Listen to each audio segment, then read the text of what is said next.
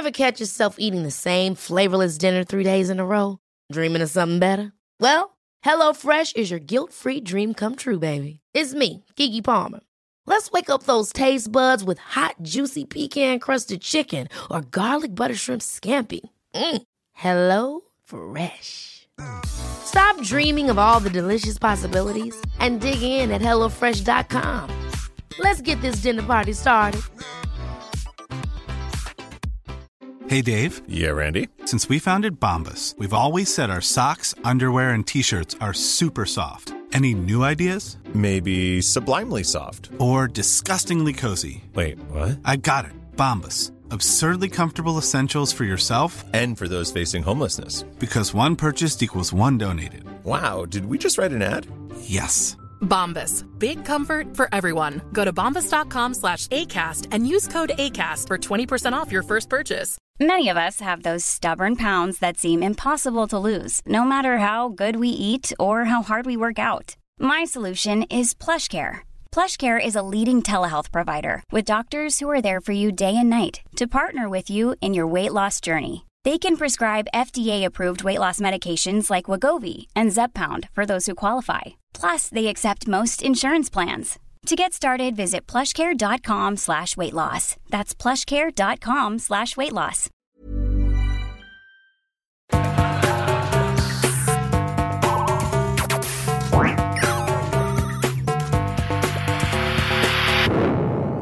Velkommen til Sinnsyn.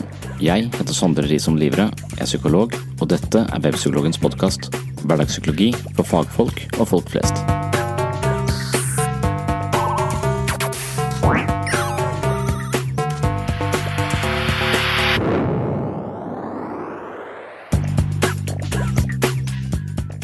Velkommen til andre del av arrangementet om to menn som snakker om depresjon og terapi på teatret i Kristiansand.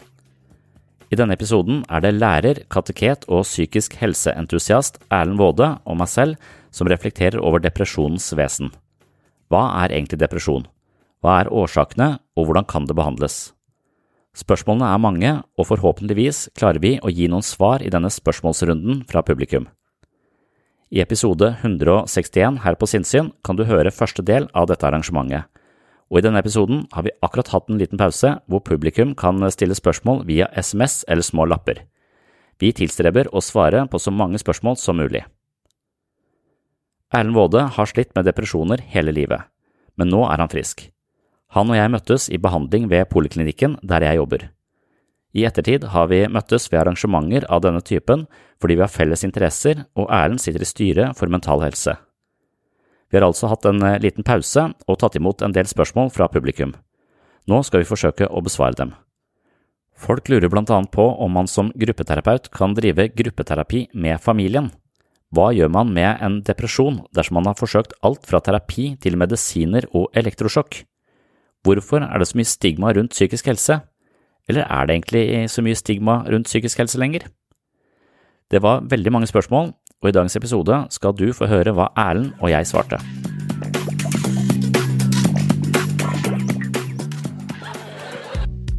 Igjen er jeg nødt til å mase litt om dette med Patrion før vi går i gang med dagens episode. Som kanskje mange av dere har fått med seg, så har jeg oppretta en Patrion-konto.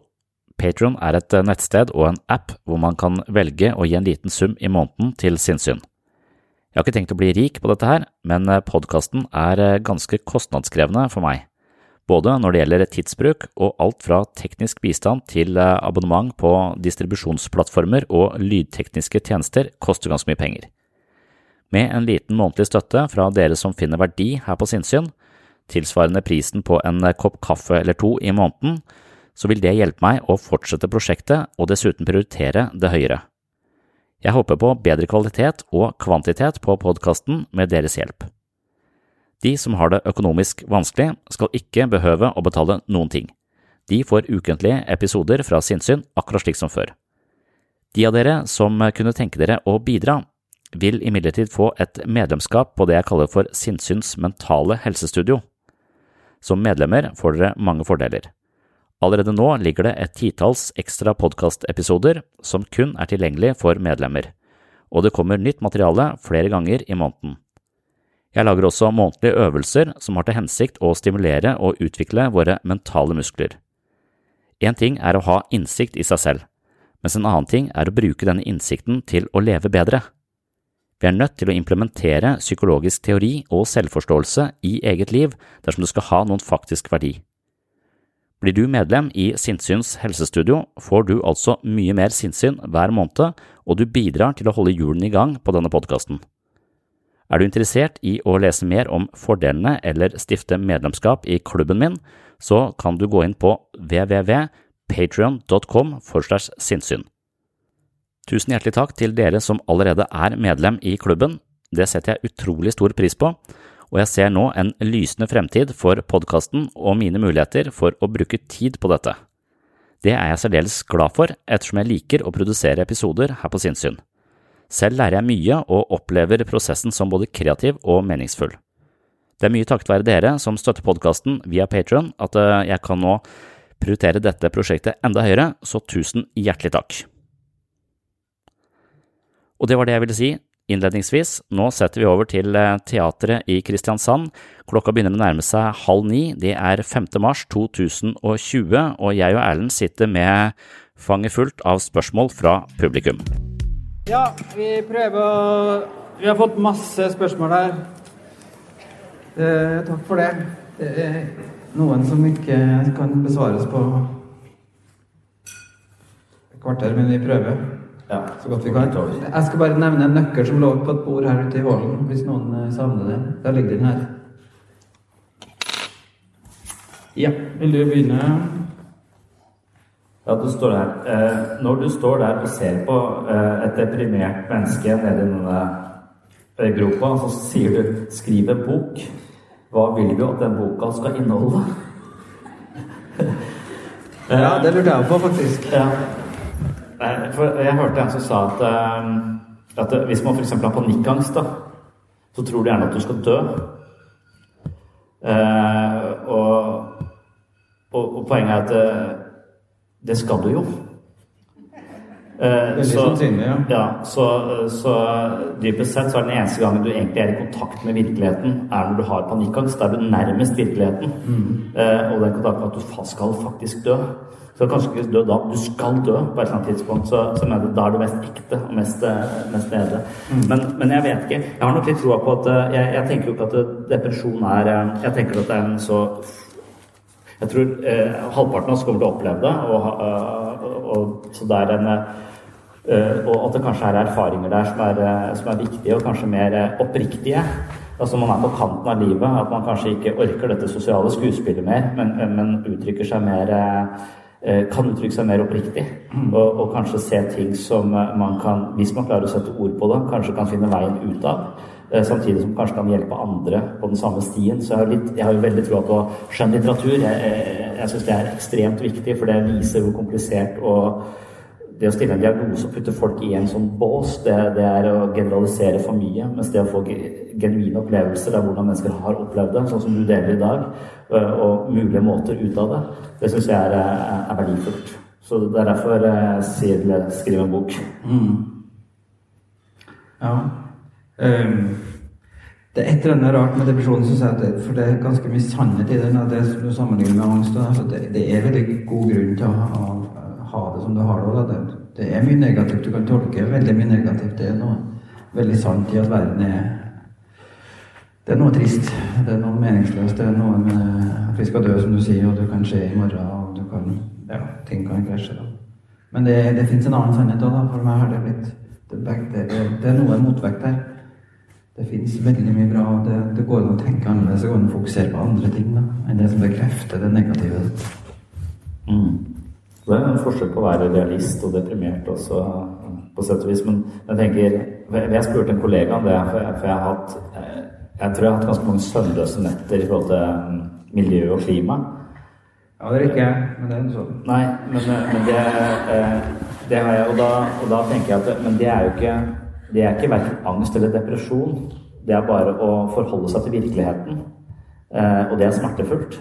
Så jeg tenker på det som, en, eh, som bare en naturlig smerte. eh, En adekvat reaksjon på omstendighetene. Mm.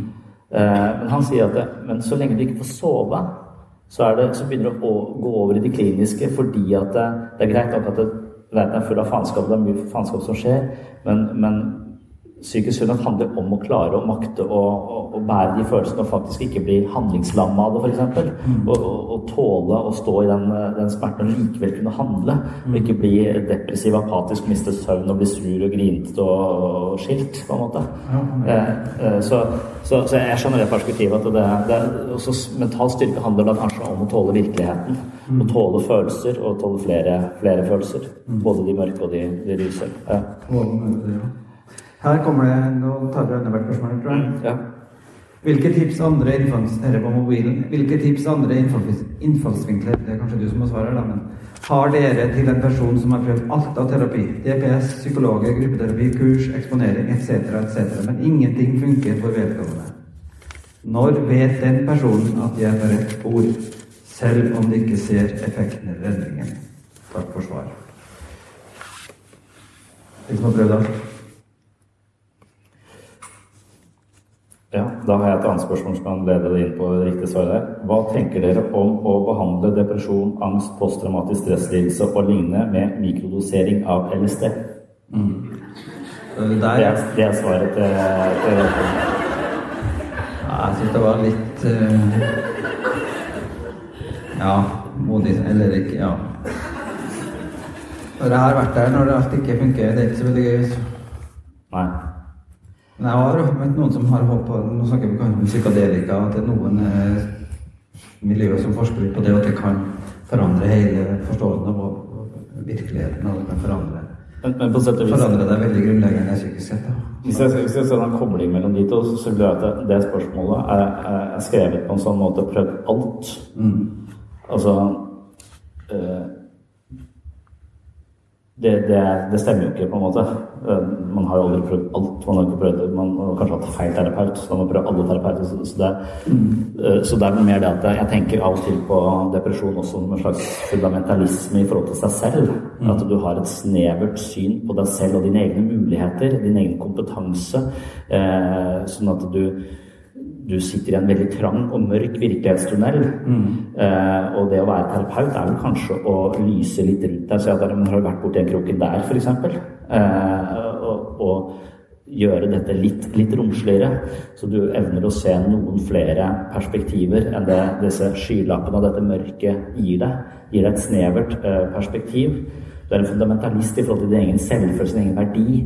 Depresjon er alltid forbundet med lav selvfølelse, eller i hvert fall veldig ofte. Eh, så du, du har en eh, og, og, da Det man tenker at mikrodosering av LSD vil gjøre, det er å putte deg på en eh, rakett eh, rett ut i kosmos, så du får et kosmisk perspektiv. Eh, eh så, og da er du litt i ovnen når du kommer tilbake i, denne, i den litt trange virkeligheten. Så, så det er vel noe med å åpne LSD er ikke et rusmiddel som lukker og demper følelser og det skapes masse negative følelser. Altså, det, er mange, det finnes jo medisiner som, som, lukker oss inn, pakker det ned. Men dette er vel det motsatte. Altså, så mikrodosering vil jo være Det har jo Det forskes mye på det for tiden. Mm. Uh, og spesielt i forhold til posttraumatisk stress og sånn. Mm. Posttraumatisk stress vil også være at du, du har minnebilder av noe som har skjedd, som dukker opp her og nå og skremmer deg like mye som da det skjedde. Eh, så du blir hele tiden på en måte skremt, eh, som om vi sitter og ser på en film, og filmens innhold skremmer oss så mye at vi tør å gå hjem. Vi tør ikke å gå hjem fordi, fordi vi ser dette på, på, på lerretet. Det å få en slags avstand til det, få et større perspektiv, som skrur på lyset og sier at det er bare en film. Og denne, denne erkjennelsen, virkelig opplevelsen av at det er bare en film. Minnene dine er ikke eh, reelle. Det å skape den, den typen eh, innsikt på en sånn opplevelsesaktig måte. Det tror jeg kanskje disse eh, midlene hjelper oss til. Eh, for, det er litt å si til ja, det er noe som skjedde tidligere. De ordene du sier til den personen som opplever å være i krig der og da, de, de når ikke fram. Men, mens dette perspektivet som vi trenger, denne distansen til vår egen smerte, som vi trenger for å komme oss ut av det, der er det noe som gjør at disse tingene kan, kan hjelpe. Mm.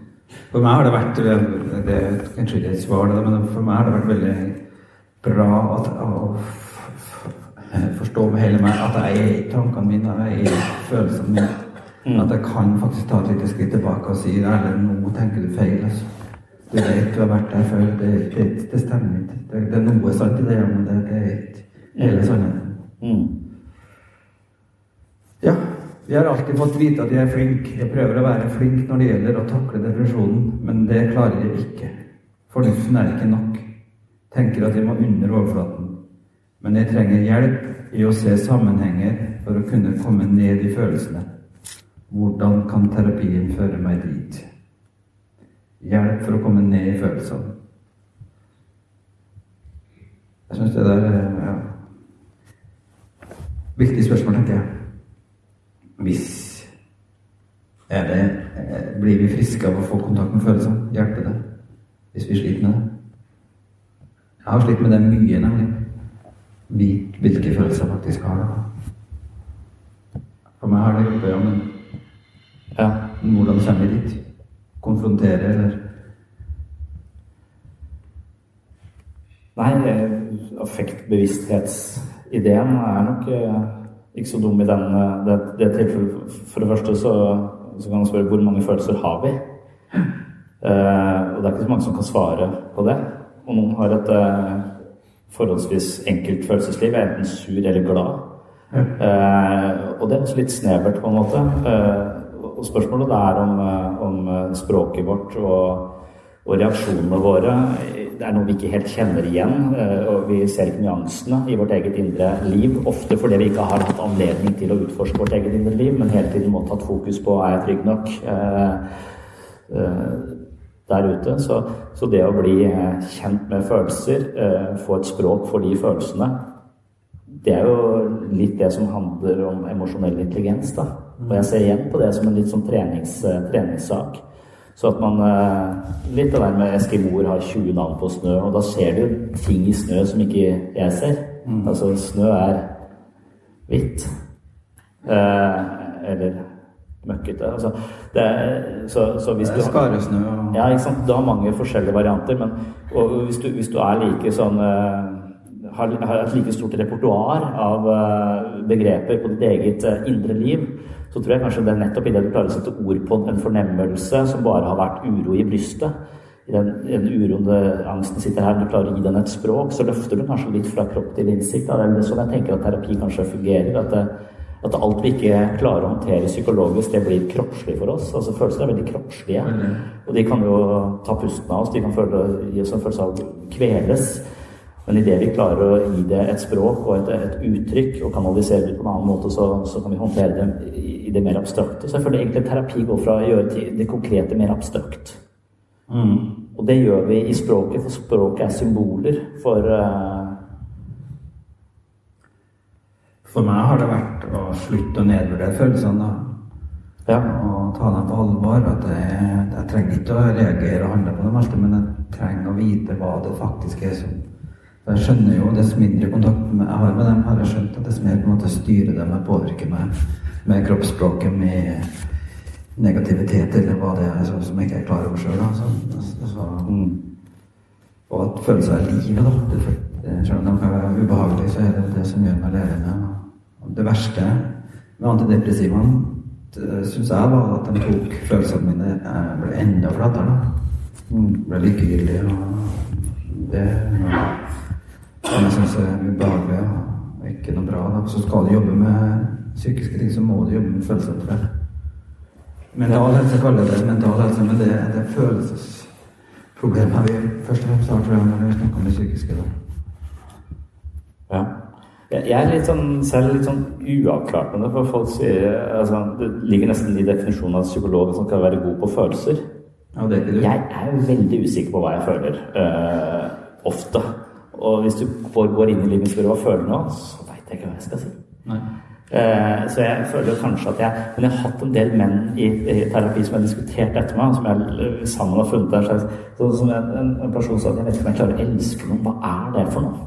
Eh, er det en følelse? Og i så fall, hvordan, hvordan veit jeg det?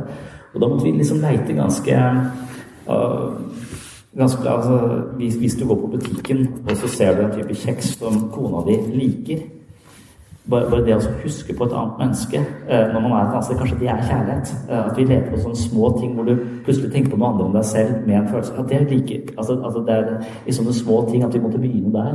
Og, og leite oss fram til, eh, til for ofte, Jeg tror vedkommende hadde en sånn veldig høy tanke om at kjærlighet er et sånt stort som jeg aldri har opplevd, og som jeg aldri kommer til å, til å oppleve. Jeg opplever at min tilfriskningsprosess, da, som har vært noen år nå, da, men altså at det har gjort at jeg kjenner mye mer hva jeg har lyst til, hva jeg liker, hva faktisk ja, Hvor glad jeg kan bli i andre òg. Det Ja. Smaken har blitt bedre. Ja. Jeg var sammen med brødrene mine i Amsterdam for to uker siden. og Vi leide en leilighet som var skitten og fæl, og det fikk ikke lukka et vindu. Og jeg begynte å snakke om at jeg syns jeg vil ikke være der. Og brødrene mine var sjokkert. Liksom. Hva skal bry oss om sånne ting? Men for meg var det Det var skitten på badet, skitten på kjøkkenet. Det var ikke trivelig der. Hvorfor skal du bry deg om det, sier. Så vi, kan, vi har det jo greit her. Så. Det er et eller annet der vi skvipper ja, Men for det er noe jeg, jeg liker ikke. Dårlig lukt eller skittenhet eller Men for, ja, for brødrene mine var det fortsatt litt sånn fysete eller svakt. Mm. Men jeg kjenner mye tydeligere. Jeg sier mer tydelig hva jeg syns og mener. Føler. Mm. Det kan du jo jobbe med, kan ikke det? Jo, men når du sier det sånn, så jeg, jeg er ganske masse positive følelser. Jeg, kan bli sånn veldig, jeg er høy på positive følelser. Mm. Uh, så, så, jeg kjenner positivitet uh, og sånn. Men jeg, jeg syns ikke det er så lett å Jeg syns det er veldig abstrakt, da. Og, og jeg, følte, jeg føler nok ofte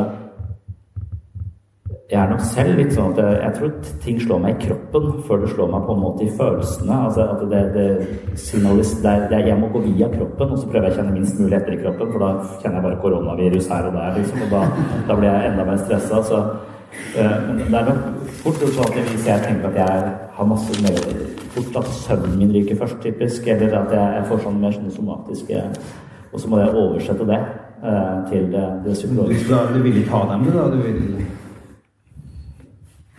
Uh, nei, det, det, det, er nettopp det som er Jeg tror jeg er lik alle andre der. Altså, jeg tror kanskje det er årsaken til uh, mye psykisk lidelse. At vi prøver å unngå sterke følelser. At, og Derfor så orker jeg ikke den samtalen, for det kan få meg til å føle negativt. Eller mye. Eller bli trist. Eller få dårlig samvittighet. Eller et eller annet. Mm. Så hvis jeg da heller bare kan få se på Netflix, så er det veldig greit akkurat nå. Mm. Og, og jeg tror det er alle de små unndragelsene der sånn, som til sammen kulminerer i, i depresjon. Det er denne stilen jeg har på å unngå følelser eventuelt, som ender i, i en depresjon. Mm. Akkurat som den alkoholikeren blir jo ikke alkoholiker over natta. Det er jo de små vurderingene du tok mandag, onsdag, fredag, lørdag, søndag, tirsdag, onsdag. Det er alle de vurderingene der som til sammen kulminerer i, i, i alkoholisme. Så skal jeg ta noen flere spørsmål? Ja. Vi, prøver, vi går kanskje litt over din, men vi prøver å ta spørsmålene. Sånn det... Hvorfor må det være skam og fordommer rundt det? Rundt hva? Eh, psykisk lidelse. Eller er det mye av det enda? Eh, vi snakker om det, men eh, folk tør ikke være så eh, åpne og ærlige om det. Spesielt menn. Er vi åpne, eh, så ja. Det handler om åpenhet. Er det skam og er det stigma rundt det? Det, det, eh, det, tror jeg det er. Eller eh, det vil jeg Når folk sier at jeg skal, bør jeg være veldig åpen om, eh, om problemene mine til, til, folk. Jeg opplever at man bør være et åpent menneske hele tiden. Mm. Men det betyr ikke å fortelle hemmeligheter eller diagnoser eller hva det du bruker. Jeg Ofte så gir vi det kategorier som er såpass romslige at vi lar andre mennesker bruke masse fantasi om hva det innebærer. Og i all den fantasien og alle de fordommene så skapes det en, en avstand. Så jeg lurer på om det går an å være åpen på en måte som er eh, ærlig og mer sånn Jeg syns det er vanskelig å håndtere rollen som pappa. Jeg føler ofte at jeg svikter, eller at, at man kan, at man kan gå, ikke bruke de generelle kategoriene, men si litt mer om uh, hvor du er hen. Uh, hvis det er anledning til det. Det er ikke det er anledning til det på butikken, liksom. Men, det er eh, vanskelig, så jeg prøver å ta opp litt sånn eh, personlige, størrelsesmessige ting med brødrene mine. Eller det er forskjellige mannfolkgjenger, men det er motstand, syns jeg. da. Det er mange som ikke vil det. da. Vi heller snakke om motor og Tesla og Det er det mulig de ikke har drukket nok. Ja, jeg er dårlig på det vi da i mitt miljø, det er sant. Ja, ikke sant? Det er det som er det der Kanskje det hjelper? Ja. Ja, ja, det hjelper bare det. Det er derfor vi har alkohol. Det er Det er synd at vi ikke kan bruke det i gruppeterapi, tenker jeg. Nei, okay, det, vi går det er videre nå, tror jeg. Hva er risikoen, eller var det ferdig? Nei, det, der med skam og for, fordommer? For, for det er jo noen med nå at vi, eh, som jeg snakket med Ole Jakob Madsen om hele tiden, at vi, vi er veldig opptatt av unge menneskers psykiske helse. Vi tematiserer det, vi forsker på det. Og så er det noe som heter nocebo-effekten. Altså at jo mer sykdomsnarrativer vi kan få, jo, jo større sjanse er det så Veldig mange av sykdommene våre blir jo en fortelling vi har om oss selv, og dermed mer eller mindre selvoppfyllende. Så hvis vi lager et veldig stort fokus på psykisk helse, mm. så er spørsmålet om vi bare genererer mer psykisk helse, eller om det har en forebyggende effekt. Mm. Jeg tenker at det kan ha en forebyggende effekt hvis vi normaliserer det. Jeg, jeg synes Det å tenke at det psykisk lidelse er en sykdom, er fullstendig feil. Det er ingen sykdom. Nei, det er en måte å tenke på, det er en måte å føle på, det er en måte å leve på som ikke er optimal for deg. Eh, og- Men helsevesenet sykeliggjør det jo hele tida.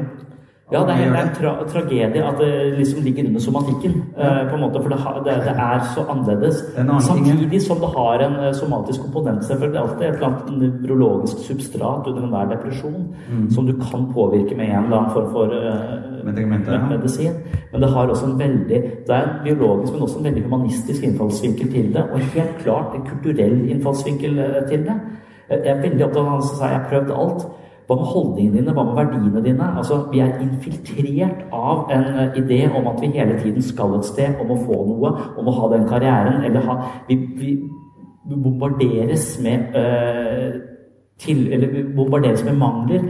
Opplevde jeg vil, Hele forbrukersamfunnet er bygd opp på å vise oss hva vi mangler, sånn at vi kan bruke penger på å kjøpe det. Og Vær misfornøyde. Å være kronisk misnøyd misfornøyde med den posisjonen de er i akkurat nå. Så jeg tenker, for, for min del så er takknemlighet altså Det er lett å si til de nede i det hølet der. Vær, vær takknemlig for at du er der nede der det er så mørkt. Eh, Terapeuten min sa fem ting, tenk på fem ting å være takknemlig for når du er deprimert. Jeg har et sjans. Nei, nettopp. Og, og jeg syns at det er sånn billig selvhjelpstriks, på en måte. Men så har jeg prøvd det sjøl. Ja. Det er, jo, det, har, det er jo jeg som kan eie min egen eh, bevissthet. Og hvis jeg føler meg takknemlig for at jeg har barn, eh, for at, eh, for at eh, jeg lever i, i Norge, for at jeg, jeg kan møte mennesker som er åpne og ærlige mot meg hver dag, og at jeg har gode kollegaer Så jeg kan tenke, så kan jeg fylle hele så, og, og, og, og hvis du har det fokuset, så er jeg i overskudd. Og, der, det jeg tror jeg er det som er clouet her. Altså, med en gang du kommer i en følelse av overskudd, så vil ikke behovene dine være å få noe andre hele tiden. men Det vil være å gi. Du får det som Maslow kaller metabehov.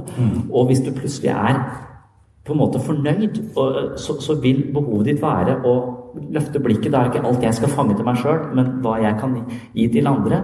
Og idet du begynner det, det, så får du så masse tilbake. Så de som har masse, de får ekstra mye, for det fokuset de har, det gir så mye tilbake igjen. Mens det når du hele tiden mangler noe, det er også en sånn negativ spiral.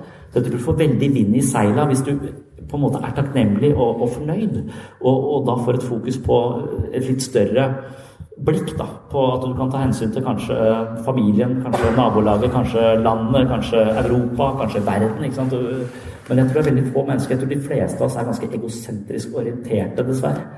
Eh, og, og, og jeg tror kanskje sunn, moden psykologisk utvikling handler om mindre og mindre narsissisme.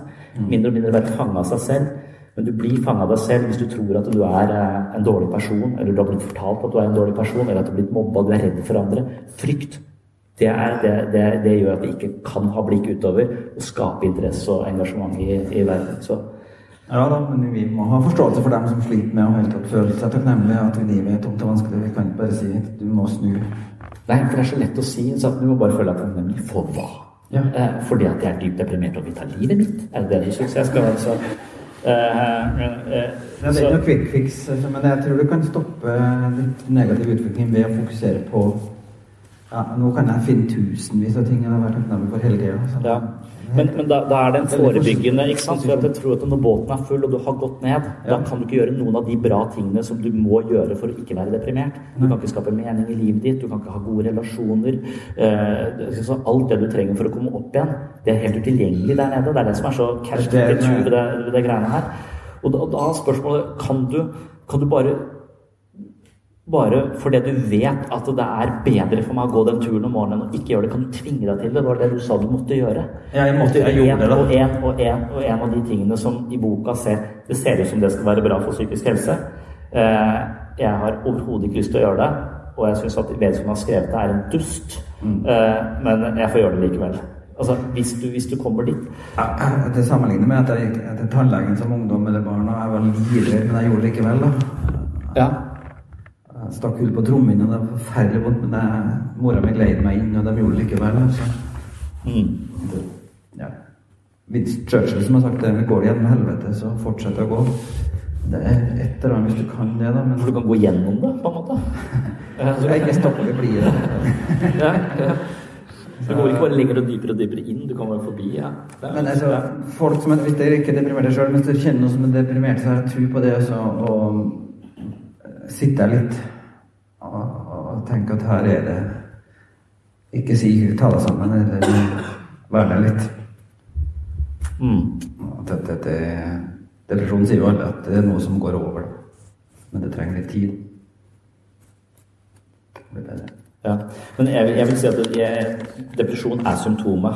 Det er jo da alltid noen årsaksfaktorer her. Ja. Og i gruppeterapi så er jeg da opptatt av hva er de årsaksfaktorene. For hvis du er kronisk mistenksom mot andre mennesker, så vil du nettopp skape den avstanden som aldri gir deg den den typen flokk og tilhørighet som du trenger for ikke å være deprimert. Så veldig, eller kanskje du på en måte ikke bærer dine egne følelser, men av hele tiden har en måte å være på som gjør at du setter dine egne bæreposer over hos andre, så de må løfte rundt på det, så du bruker opp folk. Altså du, du er lite lydig for andre. Så det er så mange sånne menneskelige strategier vi har som ikke er spesielt gode for oss. Jeg tror depresjon er et signal om at det er, du må leke litt i strategiene dine. Det spørsmålet er som jeg bare, så, Ja. Kan det være potensielt en fare for å bruke opp venner ved, ved, ved ventilering, ved bruk av ventilering, tror jeg det står her. Det vil kreve venner som evner å skjerme seg selv. Kan vel bli en fare for å bli brukt opp. Altså, det er noen, noen som opptar det òg. Folk som sliter psykisk, kan være veldig slitsomme da. Og kan bruke opp folk rundt seg. Hvordan skjerme seg mot det. Liksom. Det er jo det som er spørsmålet der. da. Ja.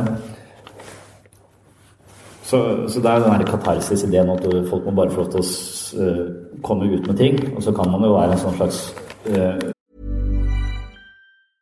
A lot can happen in three years, like a chatbot may be your new best friend. But what won't change? Needing health insurance. United Healthcare Tri Term Medical Plans, underwritten by Golden Rule Insurance Company, offer flexible, budget friendly coverage that lasts nearly three years in some states. Learn more at uh1.com. There's never been a faster or easier way to start your weight loss journey than with PlushCare.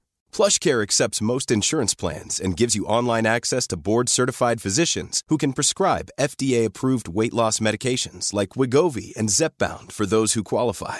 Take charge of your health and speak with a board-certified physician about a weight loss plan that's right for you. Get started today at plushcare.com slash weight loss. That's plushcare.com slash weight loss. plushcare.com slash weight loss. Hey, it's Ryan Reynolds, and I'm here with Keith, co star of my upcoming film, If, only in theaters, May 17th. Do you want to tell people the big news?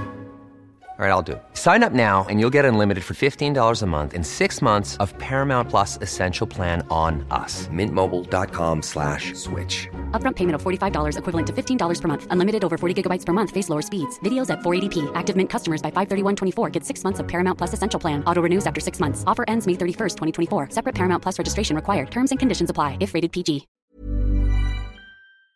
Vel vitende om å være mottaker av, det, av, av, ditt. Jeg vil eh, bære dine, dine poser. Hvis jeg er lenge sammen med deg og, og oppfatter at, du, at den personen jeg er sammen med hele tiden eh, putter ting i mitt fang, eh, så vil jeg jo føle meg litt misbrukt eh, også.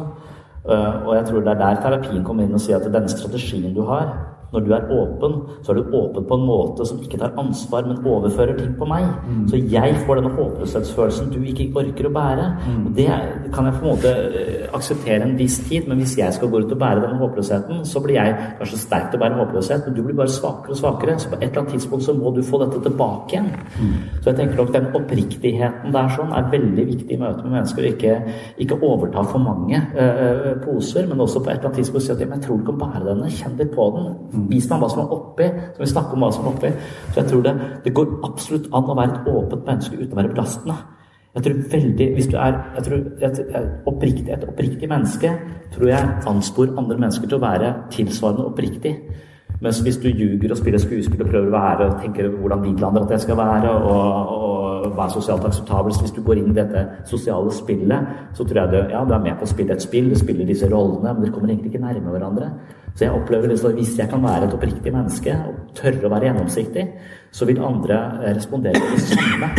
Jeg vil ikke si at jeg nødvendigvis da legger ting over i den personen, men jeg eh, demonstrerer at jeg tør å vise deg hvem jeg er. Og, og, da er det lettere for den andre å, å, å, gjøre det samme. Og jeg tror den type kontakt kan være ekstremt terapeutisk eller helt avgjørende. Mm. Men så tror jeg altfor mange av oss tror at det å være åpen handler om å belaste andre, eller ingen vil tåle meg hvis jeg er oppriktig. Sannheten er vel at vi tåler jo Det å møte mennesker som hele tiden har denne garda, dette forsvaret og dette spillet, det skaper bare usikkerhet. Hvem er du? Hva mener du egentlig? Det er sånn det blir en veldig uklar relasjon som man ikke liker å være, i, egentlig. Men og det, det, tror jeg gjør oss ensomme. Og, ja. Ta et spørsmål til. Jeg satt med en følelse av at antidepressiva ikke var å anbefale. Har en erfaring med at det kan være en god krykke i en vanskelig periode. Men da selvfølgelig med oppfølging. Er dette en oppfatning dere deler? Jeg deler den oppfatningen, da, selv om jeg har min negative Jeg sa, jo det at antidepressiva har mye negative bivirkninger. Ikke minst det med at det blir flat og sånne ting. At de ikke virker så veldig lenge. De svekker seg, og så må det skifte. Så blir det for mye en krykke, da. Men eh, det har hjulpet meg òg i perioder å se at jeg kan tenke annerledes og få føttene litt mer på fast grunn. Men um, det kan være bra, tenker du òg? Ja, jeg føler jeg kan litt lite om medisiner. Men eh, jeg ser for at for noen så blir det et vindu til å kunne jobbe med seg selv. Mm. Men å ha det som hovedstrategi og eneste strategi jeg syns jeg virker uklokt. For det ja, særlig legen min som ga meg det i 10-15 år uten oppfølging, det tror jeg er ikke, ikke bra i hele tatt. Det må være i kombinasjon med noen å snakke med, i hvert fall. Mm. Og så er det jo alltid litt betenkelig når det er eh, noen firmaer som tjener enorme mengder på, på disse tingene, og måten de tester det ut på osv. Så det er ganske masse begrepelige historier der, sånn, så det er en sånn Ja. Prøv å komme gjennom eh, litt flere spørsmål uten at jeg skal stresse med den. Har du et til? Si noe om passiv-aggressiv oppførsel hos uh, menn, og, muligens virkning i forhold til relasjonen. Passiv-aggressiv oppførsel, ja. Ja. Det, det er meg, tror jeg, har vært for mye. Ja. Uh, jeg vet ikke om jeg kan beskrive det. Uh, det er veldig lett å bli passiv-aggressiv når, når, du sliter med å føle at du flyter eller har overskudd i livet eller er deprimert, mm. og, og, og bare se de negative tingene. Ja mye bruk av taushet, tror jeg. Taushet er jo en veldig sånn sterk passiv-aggressiv mm. metode. Ja. Som etterlater dem som sitter rundt med usikkerhet. Hva betyr tausheten? Det, det, er en destruktiv strategi her, for det er en ønske om å det, det er, det er, man, har, man, er sint på noen, men man uh, vet ikke helt hvorfor, kanskje. Og man er ikke helt klar over det, så man uttrykker det på en indirekte måte som gir bare sånn stikk til den andre. Mm. Og de slagene man da gir, de gir man i form av skyldfølelse ofte. Så man lemper masse skyldfølelse over, over på andre. Det er det som er uh, mye av det passivt aggressive. Mm. Altså det, det stikker med, med type skyldfølelse. Og hvis vi skal se det løftet som blikket på samfunnsnivå, så en aktiv sånn der 'jeg er forbanna på deg', den er ærligere og mer oppriktig enn disse små uh, Det kan jo være veldig mye makt i å gjøre seg til et offer for en annen, f.eks. Altså 'jeg er krenka'. Så vi, det er jo litt der vi er også, en sånn krenkelsessamfunn. Men tror du menn er mer passive aggressive enn kvinner, da? Det er mer en strategi Mer vanlig at menn bruker den strategien? Jeg er mer passiv aggressiv enn kona mi, i hvert fall.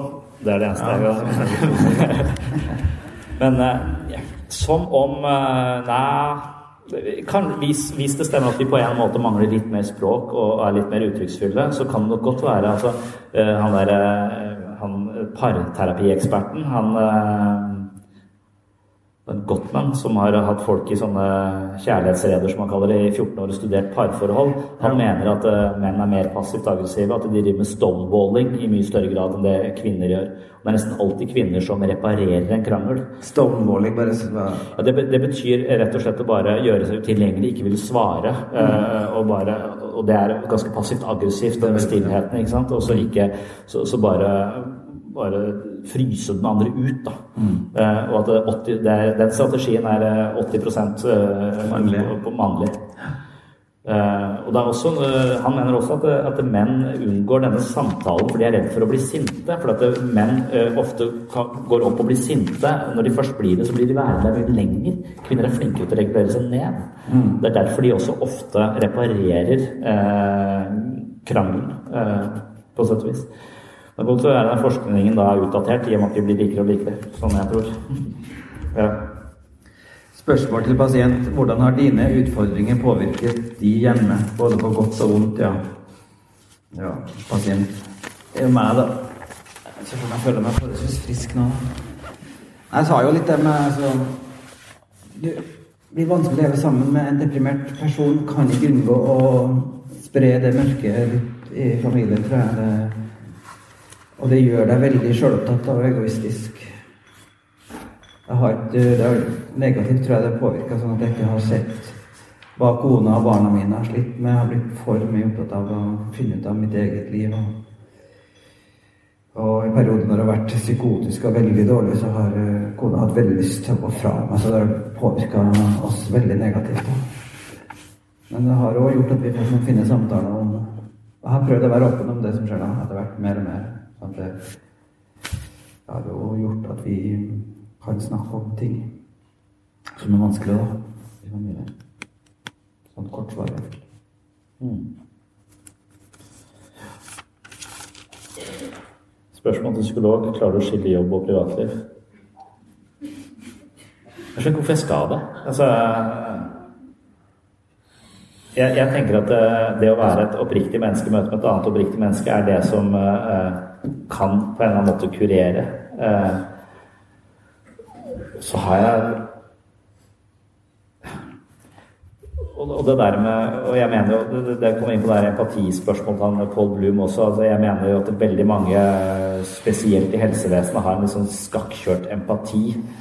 Eh, så at de, at de de overtar andre menneskers problemer og ser det som sin oppgave å løse et annet menneskes eh, Eller f.eks. fjerne andre menneskers følelser. da. Mm. Si at ja, men ikke tenk sånn, ikke tenk sånn, og så bare ta det, uh, ta det, vekk. At jeg ser det som min oppgave at du skal ha mer positive følelser, for da lykkes jeg som terapeut. Mm. At det er mitt prosjekt og ikke ditt, uh, ditt, ditt prosjekt.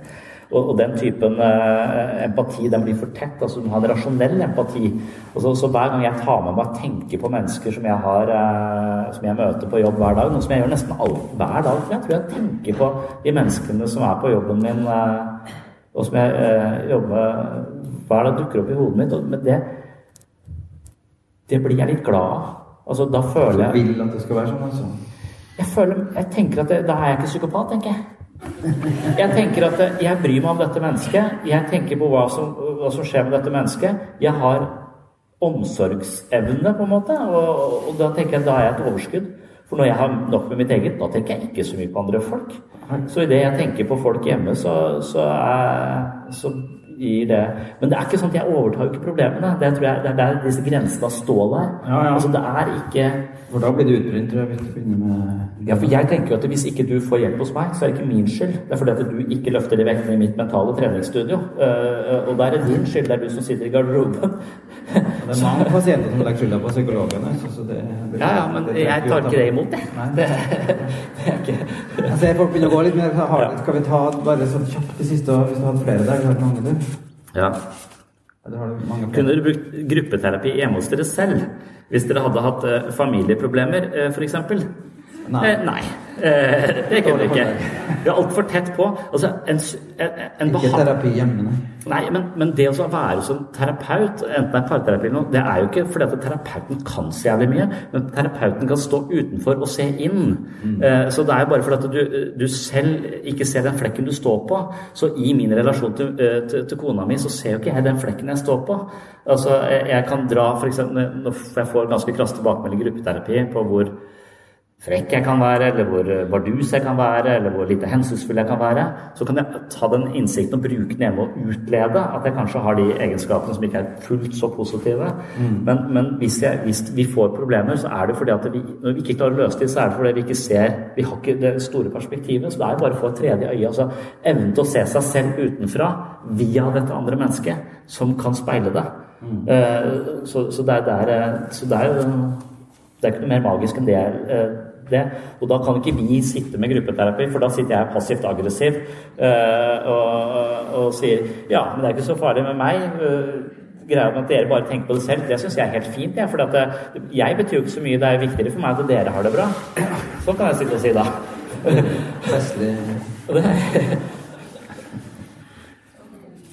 Uh, du sa at elektrosjokk er en snarvei. Det veit jeg ikke om det er, altså. Men er den ikke kortvarig som eh, antidepressiva. Jeg syns kanskje ikke vi veit nok om det. Jeg har ikke helt uh, klart å lodde dybden i, i, det. Jeg har sett at det, det fungerer, og jeg har vært veldig opptatt av at det, det mennesket skal mye, ja det, ja, det gjør det. Fordi det har det er når det er alvorlig, alvorlig deprimert. Ja. Tungt deprimert. Jeg har kanskje inn i psykose. Så. Mm. Jeg har vært veldig skeptisk, men det, har vært eh, bra for meg. Da. Ja. Som jeg tenke nå, ja. Mm. Problemet her er vel eh, Eller sånn, jeg vil se Jeg vil ikke eh, blande opp om elektrosjokk. Hvis det eh, funker for dypt deprimerte, så synes jeg det er en riktig sted å, sted å, bruke det. Men jeg har til hatt dette eksperimentet med, med folk tenkt altså Hva hvis vi kunne få en hjelm som bare eh, aktiverte følelsene våre. For det kan vi på mus. Vi kan jo sette en hjelm på mus og få det til å gå til høyre og venstre og, og, og styre de ved å stimulere hjernen kunstig. Og få de til å gjøre ting og bare dusje de med dopamin så de blir veldig glade og sånn. Og, og, hva hvis vi bare utvikler den typen eh, kunnskap mer og lager en hjelm for mennesker, sånn at vi bare får lyst til å jogge og spise brokkoli og, og leke med barna og verdens beste tålmodighet og klippe plenen og gjøre alle de riktige tingene og være veldig fornøyd med det? Mm. Ville det gitt oss et godt liv? Da hadde vi blitt perfekte mennesker som løper rundt og klipper plen og hilser på naboen og, og er tålmodige. Og, og, og, og, hvis det er det vi hadde lyst til, og det hadde gitt oss den største gleden, hadde det vært et, et, et godt liv? Eller er det en eller annen verdi i lidelsen, i smerten, i mørket, i depresjonen? For det vil vi gå glipp av da, for da var vi bare ute på joggetur hele tiden. Og jeg mener jo at eh, dybden i livet mitt er jo uh, i de mørkeste stundene, i de største feiltagelsene, veldig mye jeg aldri ville vært foruten, men som jeg aldri hadde gjort igjen. Eh, som du sier. Altså at, at, den har kjempeverdi. De, de, mørke sidene setter ting i et perspektiv. Du får relief, ja. Du får en ja. bakgrunn som gjør at ting blir tydelige. på en måte. Ja, Så vi kunne blitt overfladiske, kjedelige nikkedukker. Men jeg tror, vet ikke om det hadde vært det beste for oss. Vi må slutte. Ja. Mm, det er flere som tenker sånn, ja. Ja.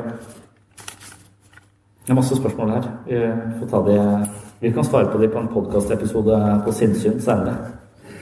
Jeg bare til slutt nevne at vi, du snakker om smerte og lidelse, og at det kan ha betydning. Vi skal ha et nytt møte med sammen prest her på samme sted i april. Mm. Om uh, meningen med de store, store religiøse fortellingene nå og lidelse og mening og ja, sånne ting. Mm. Anbefales. Det. Yes. Takk for at du kom.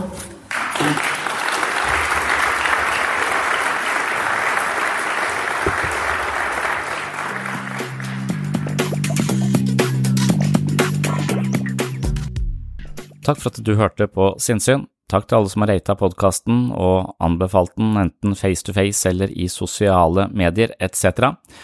Og spesielt stor takk til alle dere som har valgt å bli Patrion-supportere av eh, Sinnsyn. Det setter jeg utrolig stor pris på, og det gir meg muligheten til å prioritere dette prosjektet mye høyere enn jeg har gjort eh, tidligere.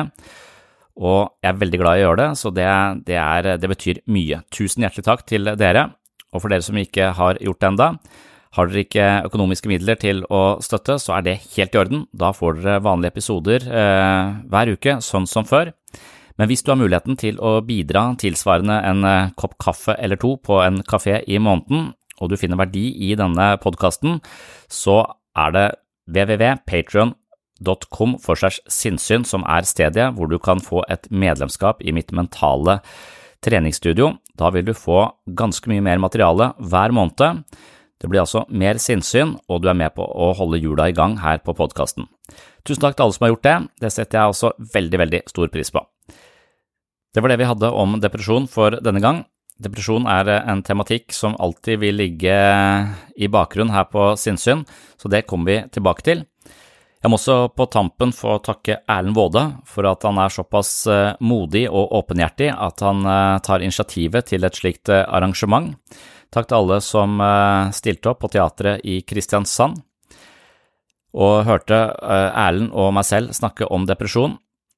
Erlend er eh, virkelig en eh, klok og modig mann, som eh, både modig og moden, som jeg har lært å sette stor pris på.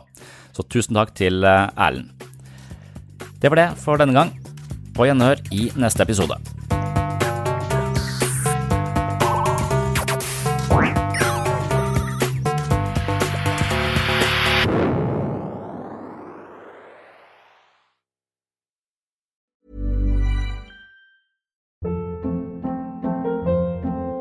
Hold up. What was that? Boring. No flavor. That was as bad as those leftovers you ate all week. Kiki Palmer here, and it's time to say hello to something fresh and guilt-free. Hello Fresh. Jazz up dinner with pecan-crusted chicken or garlic butter shrimp scampi. Now that's music to my mouth. Hello Fresh. Let's get this dinner party started. Discover all the delicious possibilities at hellofresh.com.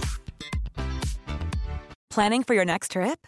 Elevate your travel style with Quince. Quince has all the jet setting essentials you'll want for your next getaway, like European linen, premium luggage options, buttery soft Italian leather bags, and so much more. And is all priced at 50 to 80% less than similar brands. Plus, Quince only works with factories that use safe and ethical manufacturing practices.